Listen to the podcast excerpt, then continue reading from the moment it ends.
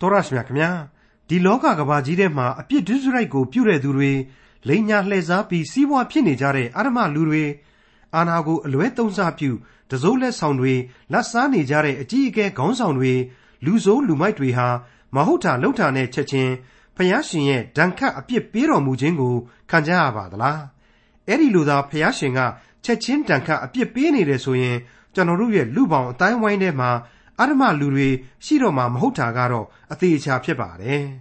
ဒီလိုအရမလူတွေရှိနေကြစေကြီးနိုင်ငံညင်းတွေရှိနေကြစေလက်နက်ရှိတဲ့သူတွေကလက်နက်မဲတဲ့သူတွေကိုညှဉ်းပန်းနှိပ်စက်နေကြဆဲဖြစ်ပါတယ်။အဲ့ဒီလိုဆိုတော့ခံရတဲ့သူတွေဘက်ကခံပြင်းစရာဖြစ်ရတာအမှန်ပါပဲ။ဒါကြောင့်ဘယ်လန်းကိုလိုက်ကြရမလဲဆိုတာကိုအဆုံးအဖြတ်ပေးမဲ့ခရိယန်သမာကျမ်းဓမ္မဟောင်းကျမ်းပိုင်းတွေကယောဘဝတ္ထုအခန်းကြီး15နဲ့အခန်းကြီး16 အခန်းငယ်1ကနေအခန်းငယ်9အထိကိုဒီကနေ့တင်ပြရသောတမန်ကျမ်းအစီအစဉ်မှာလေ့လာမှာဖြစ်ပါတယ်။မကောင်းတဲ့အကြံကိုပရိသေရေယူပြီးအနတ္တကိုဖွားတာကြတဲ့သူတွေဝမ်းထဲမှာမုသာကိုကိုယ်ဝန်ဆောင်ထားကြတဲ့သူတွေရှိနေတယ်ဆိုတော့ယောဘဝတ္ထုအခန်းကြီး15နဲ့အခန်းကြီး16အခန်းငယ်1ကနေအခန်းငယ်9အထိကိုဒေါက်တာထွန်းမြတ်ရေးကအခုလိုရှင်းလင်းတင်ပြมาဖြစ်ပါတယ်။ တင်ပြရသောတမန်ကျမ်းရဲ့မိတ်ဆွေတော်တတ်ရှင်အပေါင်းတို့ခမညာဒီကနေ့အဖို့ကျွန်တော်သင်ခန်းစာများကိုဆက်လက်လေ့လာရမှာကတော့ယောဘဝတ္ထုတွေကအခန်းကြီး15နဲ့ပတ်သက်ပါတယ်။မိတ်ဆွေတို့အားလုံးသိထားခဲ့ကြတဲ့အတိုင်းပဲယောဘရဲ့သူ့ကိုအားပေးမယ်ဟဲ့ဆိုပြီးတော့ရောက်ရှိလာတဲ့မိษွေကြီး၃ယောက်တို့ရဲ့ဟာဂန္ဓာယအလေကယောဘရဲ့ဒုက္ခဘုံလို့ဆိုရင်ရနိုင်တဲ့ပြာပုံကလေးတစ်ပေမှာဆောင်းဆောင်လေးတွေထိုင်ပြီးတော့ အချီအချစကားများနေကြတယ်ဆိုတာတွေကိုကျွန်တော်မြင်ခဲ့ရကြားခဲ့ရပြီးပါပြီမိษွေကြီး၃ယောက်စလုံးဟာလာတော့ကတော့အမှန်တကယ်အားပေးမလို့တကယ်မောင်းတင်ပြီးလာခဲ့ကြတာပါပဲဒါပေမဲ့ဒီရောက်တော့မှမချိမဆန့်ဖြစ်ပြီးတော့ဘဝပြက်နေတဲ့ယောဘရဲ့သရုပ်ဟာသူတို့မြင်ရတဲ့ယောဘရဲ့သရုပ်ပြက်မြင်ကွင်းကြီးဟာယောဘကိုအားပေးဖို့တဲ့လူသားရဲ့အတွေးအခေါ်ကြီးတွေထုတ်ယူရလောက်တဲ့အထိအခြေအနေပြောင်းလဲသွားစေခဲ့ပါတယ်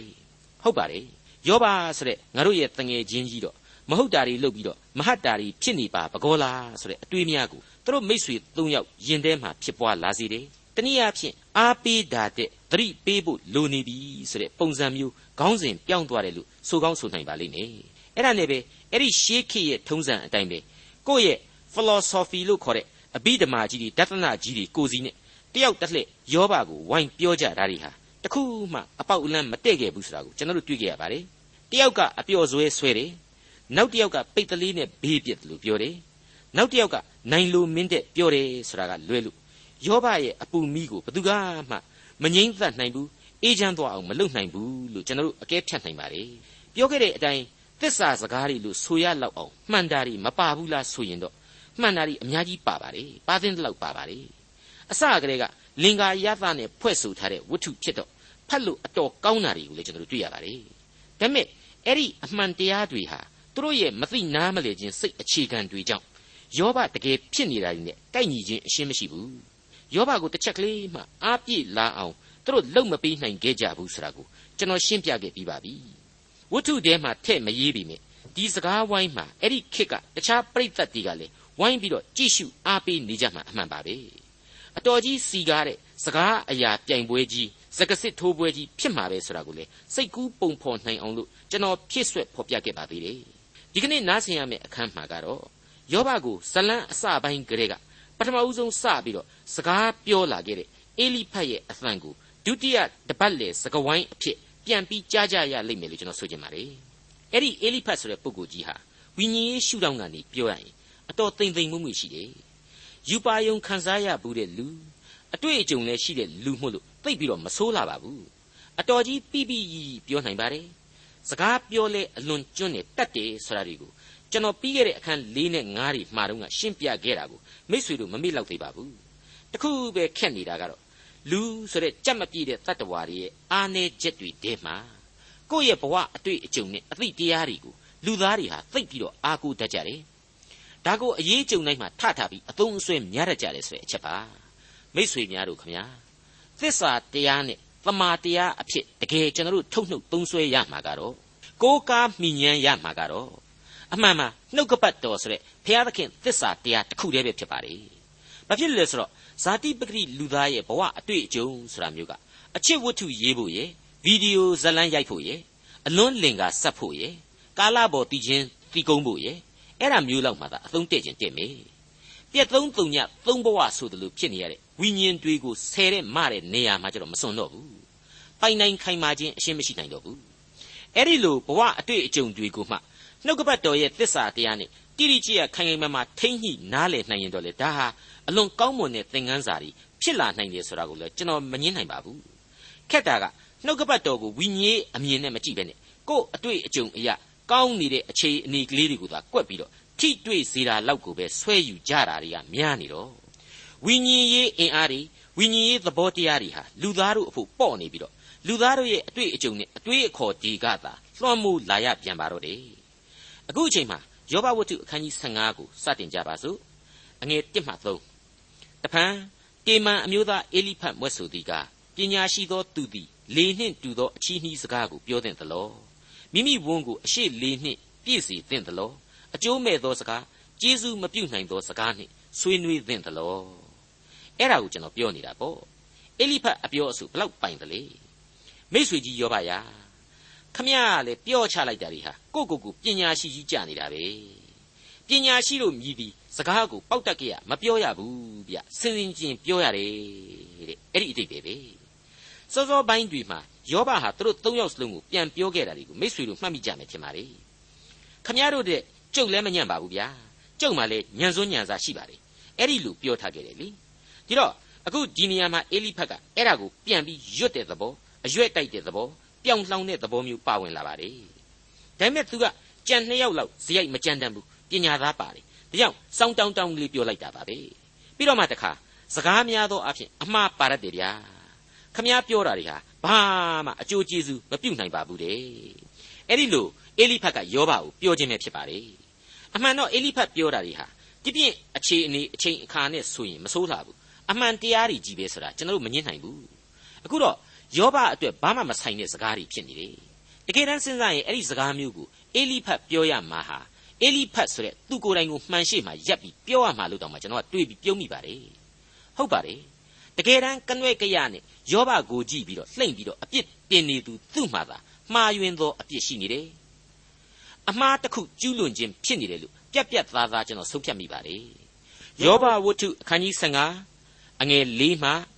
30သင်သည်ဖျားသခင်ကိုကြောက်ရွံ့ခြင်းအကျင့်၌အကျိုးမရှိဟုဆိုလို၏ဆုတောင်းပတနာပြုရာဝတ်ကိုစီတာတတ်၏သင်သည်ကိုနှုတ်ဖြင့်ကိုအပြစ်ကိုဖော်ပြ၏ပရိယေပြုသောသူ၏စကားကိုသုံးတတ်၏ငါသည်သင်ကိုအပြစ်မတင်သင်နှုတ်သည်သင်ကိုအပြစ်တင်၏သင်နှုတ်ခမ်းတို့သည်သင်တစ်ဖက်၌သက်သေခံ၏သင်သည်အဦးဆုံးဖွာသောလူဖြစ်သလောတောင်များကိုမဖန်ဆင်းမီသင်ကိုဖန်ဆင်းသလော ဖျားသခင်နှင့်တိတ်ဆိတ်စွာတိုင်ပင်ဘူးသလောပညာကိုကို၌အကုန်အစင်သိမ့်ထားပြီလောငါတို့မသိသင်သိသောအရာမြည်မျှရှိသည်ငါတို့၌မပါသင်နားလေသောအရာမြည်မျှရှိသည်သင်အဖတဲ့အသက်ကြီးသောသူသပင်ဖြူသောသူတို့သည်ငါတို့တွင်ရှိကြ၏အခုပိုင်းကျတော့နော်စောစောပိုင်းတုန်းကလို့အပျော့ဆွဲဆွဲတာမျိုးမဟုတ်တော့ဘူးပျော့ပြဲပြဲမဟုတ်တော့ဘူးကိုယ့်ဟာကိုယ်တယောက်တည်းစွတ်ရွပြောရင်းနဲ့ဇန်ဒီဝင်လာပြီးတော့ဒေါသတွေပါလာပြီ ကျွန်တော်ကတော့ယောဘဘက်ကနေစဉ်းစားရင်းနဲ့ယောဘကိုအလွန်သနာမိပါတယ်သူခမရမှာနူယာဝဲဆွဲလဲရသခိုးထောင်းဆိုသလိုအမှန်ပဲဖြစ်နေတယ်ပိုင်ဆိုင်တာဆိုလို့လေညူစုရတဲ့မိမရဲ့အနာတွေရဲ့နဲ့အိုးချမ်းပဲလေးတွေပဲရှိတော့တယ်အဲ့ဒီလောက်ထိအခြေအနေဆိုးနေတဲ့လူတယောက်အပေါ်မှာအခုလိုပြောနာပြောနေတာတွေဟာလူမှုရေးအရာတောင်မှမတရားပါဘူးလက်မခံနိုင်ဘူးလို့ပဲကျွန်တော်တွေးပါတယ်သင်အဖတဲ့အသက်ကြီးသောသူသပင်ဖြူသောသူတို့တွင်သူတို့သည်ငါတို့တွင်ရှိကြ၏ဆိုတာကတော့ အဲ့ဒီအလွန်ရှေးကြတဲ့ခေတ်ကလက်သုံးစကားတစ်ခုဖြစ်ပါလိမ့်မယ်မင်းအဖေတဲ့စီနီယာကြတဲ့ဘိုးတော်ကြီးတွေကငါတို့ဘက်မှာကွာအဲ့ဒီအတိတ်ပဲကိုဆောင်းပါတယ်ဒါမှမဟုတ်ရင်လေမင်းတက်သားတဲ့အတတ်ပညာနဲ့အတွေးခေါ်ခေါင်းကြီးတွေမင်းစီမှာမရှိဘူးငါတို့စီမှာကြီးပဲဟေ့အဲ့ဒါကိုဆိုလိုခြင်းလည်းဖြစ်နိုင်ပါတယ်အငယ်7မှ16သင်၌ဖျားသခင်ပေးတော်မူသောတက်တာခြင်းအကြောင်းနဲ့သလောသင်၌ပွက်ထားသောအမှုတစ်စုံတစ်ခုရှိသလော ကိုအလိုတို့လိုက်၍အဘယ်ကြောင့်လွှဲသွားသနည်းအဘယ်ကြောင့်မျက်စောင်းထိုးသနည်းသင်ဤစိတ်တော်သည်ဖျားသခင်နှင့်ဆန့်ကျင်ဘက်ဖြစ်၍နှုတ်နှင့်ပြစ်မှားပေ၏လူသည်အဘယ်သို့သောသူဖြစ်၍တန်ရှင်းနိုင်သနည်းမိမဖွာသောသူသည်အဘယ်သို့သောသူဖြစ်၍ဖြောင့်မတ်နိုင်သနည်းဘုရားသခင်သည်မိမိတန်ရှင်းသူတို့ကိုပင်ယုံတော်မမူကောင်းကင်ဘုံတော်လည်းရှေ့တော်၌မစင်ကြဲတို့ဖြစ်လျင်ရေကိုတောက်တဲ့ကဲ့သို့ဒုစရိုက်အပြစ်ကိုတောက်လျက် ဆိုးညစ်ယွန်ရှာပွေသောလူတ attva ၌အဘယ်ဆိုပွေရှိသနည်းလူလောကမှာပေါက်ဖွာလာတဲ့လူမှန်ရင်အပြစ်နဲ့ဘယ်သူမှမကင်းဘူးဆိုတာဟာအမှန်တရားဖြစ်ပါလေပြီးတော့ဘုရားသခင်ရှိတော်မှောက်မှာကောင်းကင်ဘုံတော်မှမစင်ကြယ်ဘူးဆိုတာလည်းမမှားပါဘူးဒါကြောင့်လဲကယ်တင်ရှင်သခင်ခရစ်တော်ဟာလူသားတို့အတွက်ကယ်တင်ပြီးသလိုကယ်တင်ခြင်းခံရသောလူသားတွေအတွက်လေကောင်းကင်ဘုံကိုအသစ်ပြုပြင်ပေးသွားခဲ့တယ်ဆိုတာကိုကျွန်တော်တို့နားလည်ထားရပါတယ်ဒီတော့ဘုရားသခင်ရှိတော်မှောက်မှာ ဇာတိပဂရိမှာပင်အပြစ်လမ်းကြောင်းကိုရွေးခဲ့သူဘယ်လူသားဟာတန့်ရှင်းနိုင်ပါမလဲအခုအေလိဖတ်ပြောတာမှန်တယ်သိအရေးကြီးနေတာကတော့အဲ့ဒီလိုအမှန်အကန်တွေပြောနေစေလူတယောက်ကိုယ်တိုင်ပင်လျင်အပြစ်နဲ့မကင်းစင်ခြင်းအကြောင်းပဲဆိုတာကိုကျွန်တော်တို့မှတ်တမ်းတင်ထားရမှာဖြစ်ပါတယ်ဒါပေမဲ့ခက်တာက तू အပြစ်မကင်းစင်တာကို तू မပြောဘူးယောဘအပြစ်မကင်းတာကြီးပဲ तू ပြောနေတယ်ယောဘဝတ္ထုအခန်းကြီး15အငယ်20နဲ့21သို့သောသူသည် တစ်သက်လုံးဒုက္ခဆင်းရဲကိုခံရ၏ညှင်းဆဲတတ်သောသူသည်မိမိအသက်အပိုင်းအခြားကိုမသိရသူသည်ကြောက်မဲ့ဖွယ်သောအသံကိုကြားလျက်နေ၏စီးစိမ်ခံစားစဉ်တွင်ဖြက်စီးသောသူသည်လာတတ်၏သိကောင်းတယ်သိပြီးတော့လှပနုရတဲ့လင်္ကာစကားတွေပဲဖြစ်ပါလေဒါပေမဲ့လူတယောက်ရဲ့အုံနှောက်ကနေအကောင်းဆုံးထွက်နိုင်တဲ့စကားတစားဆင်ခြင်းအဆင့်မှာပဲရှိပါတယ်ဒါကြောင့်မလုံလောက်ပါဘူးမစုံလင်ပါဘူးသို့သောသူညှင်းဆဲတတ်သောသူတို့အပြင်ကောင်းသောလူဖြောင့်မတ်သောလူ ဥပမာဆိုရလို့ရှိရင်ယောဘကဲ့သို့သောလူတစ်ယောက်ဟာလေလူတွေကလူတစ်ယောက်သာဖြစ်လို့စီးစိမ်ခံစားစဉ်မှာပဲစာရမဏေရဲ့ဖြစ်စည်းခြင်းကိုခံခဲ့ရပြီကောဆိုတာကိုကျွန်တော်တို့တွေ့ရပြီမဟုတ်ဘူးလားဒီတော့အေလိဖတ်ပြောစကားတွေဟာကောင်းနေမှန်နေဒါပေမဲ့ယောဘဖြစ်ရနေဘာမှမဆိုင်ဘူးဆိုတဲ့အပြင်လူသားတို့ရဲ့အတွေးအခေါ်ဟာအမြဲနဘေးကိုချော်နေတတ်တယ်ဆိုတာကိုကောင်းကောင်းကြီးညွှန်ပြနေပါလေမိษွေသောတတ်ရှင်အပေါင်းတို့ခမညာအခန်းကြီး15ရဲ့ဏိဂုံးအထီကိုကျွန်တော်ဆက်လက်မရှင်းဆိုတော့ပါဘူး ကြံတဲ့အပိုင်းတွေဟာလေလင်္ကာစကားတွေဖြစ်တဲ့အတွက်ကြောင့်ဖတ်ရှုသင့်တယ်လေးလာကြည့်သင့်တယ်လို့ကျွန်တော်တင်ပြရင်းနဲ့အခန်းကြီး16ကိုကူးသန်းသွားပါရစေမိษွေအပေါင်းတို့အားပေးမလို့လာရကနေနှုတ်သီးကောင်းရှာပါရန်တွေ့ပြီးတော့စကရေလူတလူဖြစ်နေတဲ့စကဝိုင်းကြီးဟာအတော်ကြီးရှည်လျားပါတယ်အချိန်ကြီးအများကြီးယူပါတယ်ဒါပေမဲ့နောက်ပိုင်းမှာဒီဝိုင်းတဲကိုအပြင်ကရက်ကြီးနေတဲ့လူငယ်လေးတယောက်ပါဝင်လာပြီးတော့အညွန့်ခူးသွားပါလိမ့်မယ်ဘုရားသခင်ကိုတော်တိုင်းဟာလည်းဒီဝိုင်းကိုဖျက်သိမ်းပြီးတော့ ကြိုးကင်သွားအောင်မှသာဖြစ်ပါလေအမှန်တော့ဘုရားသခင်ပါဝင်ဖို့သာလျှင်ယောဘအဖို့အလိုအဆုံးဖြစ်တဲ့အတွက်ကြောင့်ဘုရားသခင်ကိုတော်တန်ရဲ့အမိန့်တော်ဘုရားသခင်ကိုတော်တန်ရဲ့အလိုတော်တွေနဲ့ဖြစ်ပေါ်နေတဲ့ဘဝအထုပ်ပတ်တိတဲကိုဘုရားသခင်ဟာပါကိုပါဝင်လာရမှာမလွဲဧကံဖြစ်တယ်ဆိုတာကိုကျွန်တော်ကြိုတင်ပြောထားလိုပါတယ်အခုပြီးခဲ့တဲ့အခန်းကြီး15မှာဆိုရင်အေလိဖတ်တယောက်ဟာယောဘကိုဘလောက်အထိအပျော်ဆွဲဆွဲခဲ့တာ ပြီးတဲ့နောက်မှာမှဘလောက်အထိတခါကြမ်းကြမ်းရမ်းရမ်းအပြစ်တင်ခဲ့တာတွေကိုကျွန်တော်တို့တွေ့ရပါပြီသူပြောတာတွေဟာလေသူ့ရဲ့ပင်ကိုအတွေ့အကြုံကြီးတွေသူ့ရဲ့ဝိညာဉ်ရေးအသည့်တွေသူ့ရဲ့ယူပါယုံခန်းစားချက်တွေကနေလာတာမှုဘလောက်ပဲမဆိုးဘူးပြောပြောအခြေခံသူ့ရဲ့လူနှလုံးသားတွေကခံယူချက်ကိုကနားမလေခြင်းကြီးတွေကြီးစိုးနေတော့ချောချောမွေ့မွေ့ကြီးဖြစ်ပါရဲ့နဲ့ပဲချော်နေခဲ့ပါလေအဲ့ဒီချော်နေတာတွေဟာလေအခုဒုတိယအကြိမ်စကဝိုင်းအထိတပ်ပြားဟောင်းကြီးပြန်ဖွင့်ပြသလိုပဲလို့ကျွန်တော်တို့ဆိုရမှာပါ ဒါကိုကျွန်တော်ကအထူးပြောနေဖို့မလိုပဲနဲ့ယောဘကိုယ်တိုင်ကပဲအခုအချိန်မှာတော့အဖန်ကလေးညောင်နာနာနဲ့ဆွဆွဲပြသွားပါတော့မယ်မိษွေတို့ယောဘဝတ္ထုအခန်းကြီး6အငယ်1နဲ့2ကိုစတင်နားဆင်ကြကြပါစို့ယောဘပြန်၍မွဲ့ဆိုသည်ကားထိုသို့သောစကားများတို့ကိုငါကြားဘူးပြီသင်တို့ရှိသမျှသည်နှစ်သိမ့်စေခြင်းဟာပြုတော်လေပင်ပန်းစေသောသူဖြစ်ကြပါသည်တကားရိုးရိုးရှင်းရှင်းကလေးပါနော်လူတိုင်းလည်းအင်မတန်နားလေလွယ်ပါတယ် ယောဘပြောဤတာမှန်ကန်လုံးလို့လွဲလဲအရှင်းမလွဲပါဘူးစတော့ကတော့ငါနဲ့အတူမျက်ရည်တွေပါကြာပြီးတော့ငါဒုက္ခတွေအတွက်ငါ့ကိုအားပေးခြင်းနဲ့ဆိုအခုတော့မင်းတို့ပြောသမျှတွေဟာသေခြင်းစောနန်နေတဲ့ငါ့ကိုဝိုင်းရိုက်သလားအောက်မရတယ်ဘာမှအကျိုးမရှိဘူးမင်းတို့ပြောနေတာတွေဟာလေတလောကလုံးဒီအတိုင်းပြောနေလို့ငါအဖို့ကြားပံများပြီးတော့နားကြပြင်းတောင်ကတ်နေပြီစိတ်ကုံလွန်းလို့မင်းတို့စကားတွေကြားရတာငါမှအလွန်စိတ်ပင်ပန်းလူပင်ပန်းဖြစ်နေပါပြီကွာတဲ့အဲ့ဒီသဘောမျိုးပြောလိုက်ပါတယ်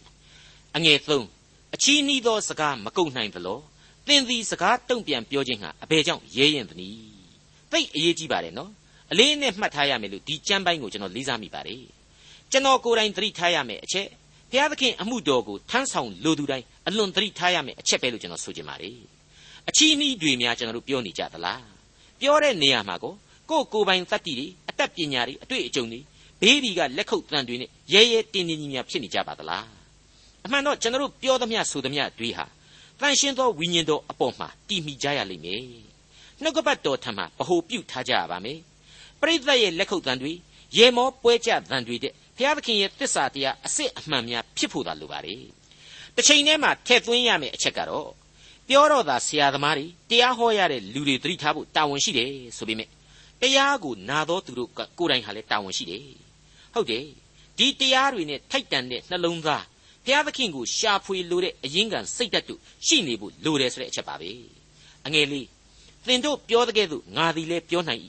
သင်တို့သည်ငါကဲ့သို့ဖြစ်လျင်ငါသည်သင်တို့တစ်ဖက်ကစကားများကိုပုံ၍ထားနိုင်၏ခေါင်းကိုလည်းခါနိုင်၏အကယ်၍သာအခြေအနေတွေဟာပြောင်းပြန်ဖြစ်ကုန်ပြီးတော့မင်းတို့သာငါလိုဖြစ်နေမယ်ဆိုရင်ငါနေရာရောက်နေမယ်ဆိုရင်မင်းတို့အခုငါ့ကိုနာနာကြီးကြီးပြောနိုင်တာတဲ့တောင်မှငါကပို့ပြီးတော့ပြောနိုင်သေးတယ်တဲ့ယောဘဒီလိုပြောတာဟာကြွားတာမဟုတ်ဘူးနော် မခံကြည့်မခံသာဖြစ်လို့ပြောလိုက်ခြင်းပဲလို့ကျွန်တော်ခံယူပါတယ်ဒေါသထွက်လာလို့ဘူးတော်တဲ့သဘောလို့လည်းကျွန်တော်ခံယူပါတယ်အငယ်ငါထို့သောငါသည်မပြုတ်ပဲတင်တို့ကိုငါစကားနှင့်မဆမည်အချီးနှီးသောစကားကိုငါချုပ်တီးမည်ဒါပေမဲ့ငါသာဆိုရင်တော့မင်းတို့အခုပြောသလိုနာနာကြီးကြီးဖြစ်အောင်ပြောမှမဟုတ်ပါဘူးတဲ့အဲ့ဒီအချက်ဟာအလေးအနက်စဉ်းစားစရာရှိပါတယ်ကျွန်တော်ကဒီအပိုင်းမှာဂလာတိဩဝါဒစာအခန်းကြီး6အငယ်1နဲ့2ကအချက်ကိုတွားရောက်သတိရမိပါတယ် ကျွန်တော်ယုံကြည်သူအပေါင်းအလွန်လိုက်နာတဲ့အဆုံးအမတစ်ခုလို့ပြောရမယ်အဲ့ဒီအဆုံးအမတန်ကတော့အခုလိုဖြစ်ပါတယ်ညီအကိုတို့လူသည်သတိလေး၍တစုံတစ်ခုသောဒုစရိုက်ကိုပြုမိလျင်ဝိညာဉ်စုကျေးဇူးကိုခံရသောသင်တို့သည်အပြစ်သွေးဆောင်ခြင်းနှင့်ကိုယ်တိုင်လွတ်မိအကြောင်းကိုကိုကိုသတိပြုလျက်သိမ်မွေ့နူးညံ့သောသဘောနှင့်ထိုသို့သောသူကိုမဆ၍သူ၏နေရာ၌တည်မြဲတည်စေပြန်ကြလော့ ထမ်းရွက်เสียဝန်ချင်းတို့ကိုအချင်းချင်းကူညီ၍ထမ်းရွက်သောအဖြစ်ခရစ်တော်၏တရားကိုကျင့်ကြလော့ဆိုပြီးတော့တွေ့ရခြင်းဖြစ်ပါလေဟုတ်ပါတယ်အခုအေလိဖတ်ရဲ့ဘိလဒတ်ရဲ့ပြီးတော့ဇောဖာတို့ရဲ့ကိုရည်စူးပြီးတော့တဲ့တဲ့ကြီးများရှင်ပေါ်လူရေးလိုက်သလားလို့တောင်မှကျွန်တော်အောက်မိမိပါတယ်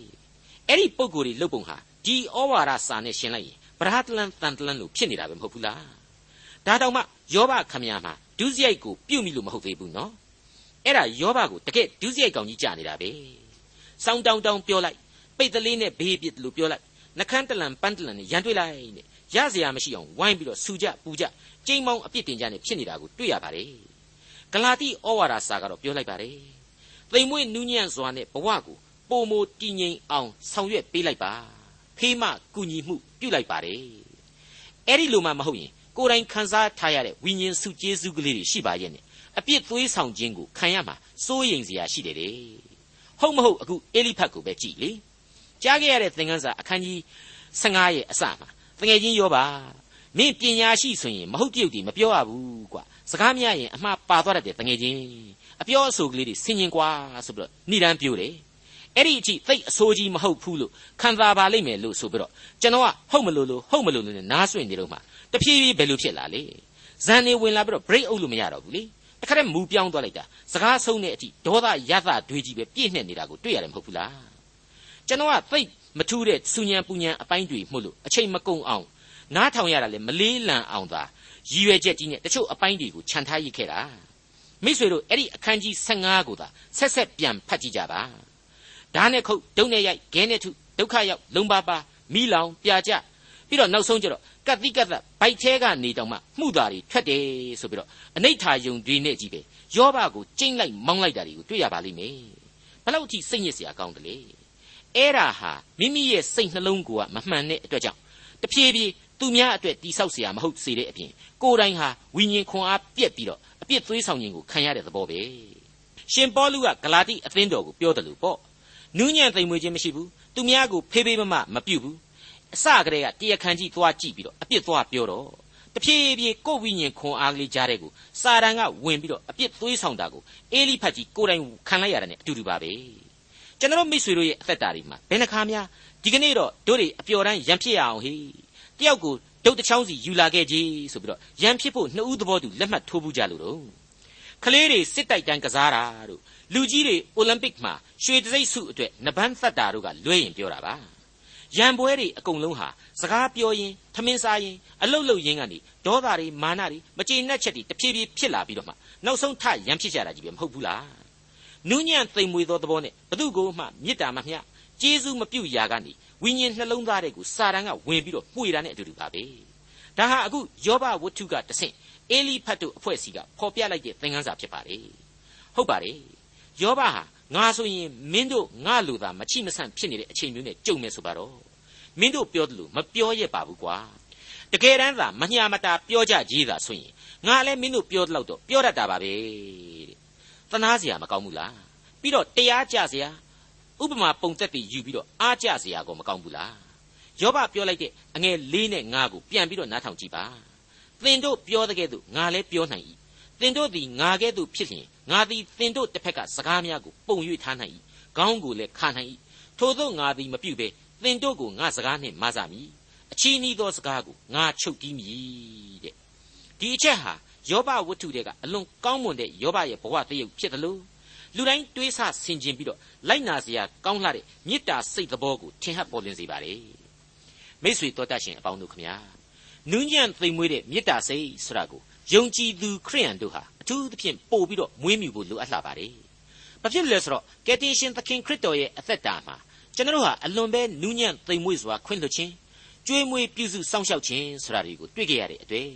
သူ့ကိုအောက်မေ့သတိရဖို့ပွဲတော်မှာဝင်ရောက်ပြီးတော့မိသဟာယဝတ်ကိုပြုတယ်လို့အပြစ်မှောင်မိုက်ကဘာကြီးတဲ့မှာဝင်ရောက်ပြီးတော့လေမေတ္တာအလင်းကိုလင်းချင်းပေးကြရပါလိမ့်မယ်ပေးနိုင်စွမ်းရှိအောင်လို့ယုံကြည်ခြင်းပါရမီကိုဖြည့်ဆည်းရပါလိမ့်မယ်ဝိညာဉ်ခွန်အားကိုစ조사မွေးမြူကြရပါလိမ့်မယ် အထူးသဖြင့်တန်ရှင်းသောဝိညာဉ်တော်ရဲ့ဥဆောင်မှုကိုခံယူကယ်တင်ရှင်သခင်ခရစ်တော်ရဲ့နာမတော်ကိုအမိပြုပြီးတော့ဖျားသခင်စီမှာဒီစုကိုတောင်းမှုထိုက်တယ်ကယ်တင်ရှင်ရဲ့ကားတိုင်တော်ပေါ်မှာအသေးမခံမီအချိန်ကလေးမှာတင်ပြသွားခဲ့တဲ့မေတ္တာစိတ်ကိုရှင်ယောဟန်ခရစ်ဝင်ကျမ်းအခန်းကြီး73မှာပြန်ကြည့်မယ်ဆိုရင်အငယ်3ကနေ9အတွင်မှာကြည့်ကြပါခမည်းတော်သည်အလုံးစုံတို့ကိုသူ၏လက်သို့အပ်ပေးတော်မူသည်ကို၎င်းသူသည်ဘုရားသခင်ထံတော်မှထွက်လာသည်ကို၎င်း ဘုရားသခင်ထံတော်သို့ကြွသွားတော်မူမည်ကို၎င်းယေရှုသည်သိတော်မူသည်နှင့်စပွဲမှထ၍ဝတ်လုံတော်ကိုချွတ်ပြီးလျှင်ပဝါကိုယူ၍ခါကိုစီးတော်မူ၏ထိုနောက်မှရေကိုအင်တုံ၌လောင်း၍တပဲ့တော်တို့၏ခြေကိုဆေးပြီးမှခါ၌စီးသောပဝါနှင့်သုတ်တော်မူ၏တဲ့အဲ့ဒီလိုတွေ့ကြရပါတယ်ဟုတ်ပါတယ်ကယ်တင်ရှင်ရဲ့အဲ့ဒီလိုလူလောကအတွက်ချထားပေးခဲ့တဲ့ကောင်းမွန်သောပုံသက်တွေများဟာ လူသားအချင်းချင်းဘယ်လို့မှမရနိုင်တဲ့ကျေးဇူးဂရုနာတော်ကိုထင်ရှားအောင်ပြသခဲ့ပါတယ်ပြသစေလေရှိပါတယ်ကတ်ကာလကုံသည့်အထိလည်းပြသသွားအောင်မှာဖြစ်ပါတယ်ဒါရင်မကသေးပါဘူးကယ်တင်ရှင်သခင်ခရစ်တော်ကိုယ်တိုင်ဖော်ပြသွားခဲ့တဲ့အချက်တွေထဲမှာသင်တို့တွင်အကြီးဖြစ်သောသူတို့သည်အစေခံစေတဲ့လောက်ကောင်းတယ်လေအမြဲတမ်းအနစ်နာခံတတ်တဲ့စိတ်ကိုယုံကြည်သူခရိယန်တို့ဟာကယ်တင်ရှင်သခင်ခရစ်တော်ရဲ့သွန်သင်ခြင်းနဲ့အညီမွေးမြူကြရလိမ့်မယ် သူပြသခဲ့တဲ့ပုံသက်သေများကိုမှတ်ယူပြီးတော့မွေးမြူကြရလိမ့်မယ်မေတ္တာစိတ်ကိုအစဉ်အမြဲရင်ဝင်ပိုက်ထားကြရလိမ့်မယ်အဲ့ဒီမေတ္တာတော်ရဲ့သဘောတရားအစစ်အမှန်နဲ့အတူသူပိုင်ဆိုင်ခဲ့တဲ့ဘုံတကိုးတော်နဲ့သူနဲ့သာတည်ရှိတဲ့အကျွင့်မဲ့စီရင်ပိုင်သောညံတော်အနန္တတို့အကြောင်းတွေဟာကျွန်တော်တို့အဖို့လေ့လာလို့မကုန်နိုင်အောင်ရှိတယ်ဆန်းစစ်လို့မပြီးနိုင်အောင်ရှိတယ်ပြီးတော့ညံလဲမမိနိုင်လောက်အောင်ရှိရပါတယ် ရှိရတဲ့အလျောက်လေအခုယောဘဝတ္ထုသင်္ကန်းဇာတွေဟာဆိုရှင်ကျွန်တော်ဏိဒန်းပြိုးခဲ့တဲ့အတိုင်းပဲယတိပြတ်အဖြေတွေကိုအပြတ်အသားကျွန်တော်တို့ကပြောနိုင်တယ်လို့ကျွန်တော်မဆိုချင်ဘူးဒါပေမဲ့အလွန်ဆန်းကျယ်တဲ့ဝိညာဉ်ခွန်အားတွေကိုတော့ကျွန်တော်တို့ထုတ်နှုတ်ရယူနိုင်တာအမှန်ပဲပြီးတော့ဒီယောဘဝတ္ထုရဲ့တန်တရားပေါင်းများစွာတို့ကိုလေနှောင်းကာလရဲ့ဓမ္မတိကျမ်းတွေဟာရှင်းရှင်းလင်းလင်းထပ်မံပြီးတော့အဖြေတွေပေးသွားပါလိမ့်ဦးမယ်မိษွေတော်တတ်ရှင်အပေါင်းတို့ခင်ဗျာကျွန်တော်လူသားဟာကိုယ်ခွန်ကိုအားကိုယ်အကျင့်တရားများနဲ့တော့ ကိုကိုယ်တိုင်အတွက်ပဲဖြစ်ဖြစ်မိမိချစ်သောပတ်ဝန်းကျင်မိမိချစ်သောမိษွေသင်္ကားတို့အတွက်ပဲဖြစ်ဖြစ်ကဲတင်ချင်းကျေးဇူးဆိုတာကိုဘယ်လို့မှဖန်တီးရယူနိုင်ခြင်းမရှိဘူးဆိုတာကတော့သေသေးချာထင်ထင်ရှားကျွန်တော်တို့အစဉ်အမြဲမှတ်ယူထားရပါလိမ့်မယ်အခုယောဘဝတ္ထုမှာလေဒီသင်ခန်းစာကိုယောဘရဲ့ယောဘရဲ့မိษွေကြီး၃ယောက်တို့ရဲ့စကားဝိုင်းတဲ့ကနေပြီးတော့ကျွန်တော်တို့ရှင်းရှင်းလင်းလင်းကြီးတွေ့ကြရပြီးပါပြီဒီမိษွေကြီး၃ယောက်အားပေးလိုက်တာဟာယောဘအဖို့ပို့ပြီးတော့ဒုက္ခရောက်ဖို့ဖြစ်နေပြီမဟုတ်လား ဒါကြောင့်မလို့အခန်းကြီး16ရဲ့အငယ်1နဲ့2ကိုပဲပြန်ပြီးနားထောင်ကြည့်လေ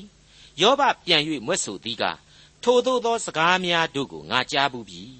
သင်တို့ရှိသမျှသည်နှစ်သိမ့်စေခြင်းငှာပြုတော်လေပင်ပန်းစေသောသူဖြစ်ကြပါသည်တကားတဲ့အချီးနှီးသောစကားမကုန်နိုင်သလောတဲ့မိษွေတော်တတ်ရှင်အပေါင်းတို့ခမညာကယ်တင်ရှင်သခင်ခရစ်တော်ရဲ့ကားတိုင်ပေါ်မှာအသေးမခံမီအချိန်ကလေးကတင်ပြတဲ့မေတ္တာစိတ်ကိုမှတ်မိအောင်လို့ကျွန်တော်တကြောပြန်ပြန်ပြီးတော့ဖတ်ပြပါရစေ ရှင်ယောဟန်ခရစ်ဝင်ကျမ်းအခန်းကြီး73အငယ်3မှ9အတွင်ဖြစ်ပါတယ်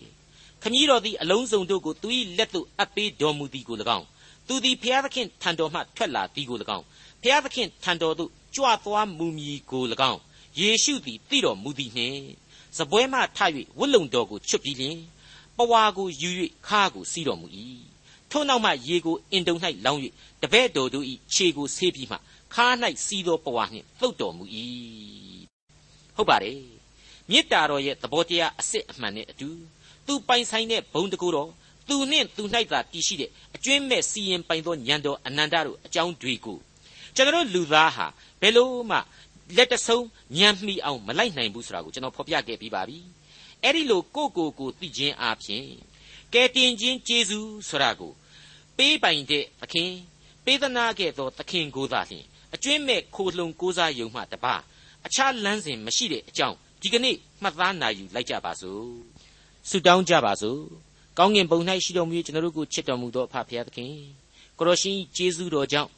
ယောဘဝတ္ထုဤအလွန်ခက်ခဲနေဆိုင်သောသင်ခန်းစာများကိုကျွန်တော်တို့သည်ကိုရရှင်ဤလမ်းပြတော်မူခြင်းနှင့်အညီနာတော်တဆင်လျက်ရှိကြရပါ၏ကိုရရှင်ကောင်းကြီးမင်္ဂလာပေးတော်မူပါဤသင်ခန်းစာများကိုပြင်ဆင်ရသောကျွန်တော်အပေါ်မှာဝိညာဉ်ခွန်အားနှင့်ပြည့်စုံစေတကဲ့သို့ နားဆင်ရသောမိတ်ဆွေတော်တတ်ရှင်များအားလုံးတို့အပေါ်မှာလည်းကောင်းကြီးပေးခြင်းအပြင်သူတို့ဤစိတ်နှလုံးတကားများကိုကိုရရှင်သည်ဤသင်ခန်းစာများနှင့်ထိတွေ့နိုင်ဖို့ရန်လမ်းပြတော်မူပါထိုမြသာမက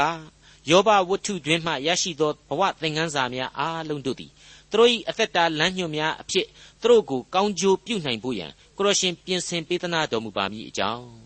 ကယ်တင်ရှင်သခင်ခရစ်တော်၏မဟာနာမတော်မြတ်ကိုသာအမိပြု၍အလွန်ယိုသည်လေးမြတ်ခြင်းဖြင့် ဆုတောင်းအသနာခံဝန်ပါသည်အဖဖျားအာမင်ဒေါက်တာထွန်းမြတ်ရေးစီစဉ်တင်ဆက်တဲ့တင်ပြရသောတမချန်းအစီအစဉ်ဖြစ်ပါတယ်နောက်တစ်ချိန်အစီအစဉ်မှာခရိယန်တမချန်းဓမ္မဟောင်းကျမ်းပိုင်းတွေကယောဘဝတ္ထုခန်းကြီး16အခန်းငယ်6ကနေအခန်းငယ်22အဆုံးအထိနဲ့အခန်းကြီး19တို့ကိုလေ့လာမှဖြစ်တဲ့အတွက်စောင့်မျှော်နားဆင်နိုင်ပါတယ်။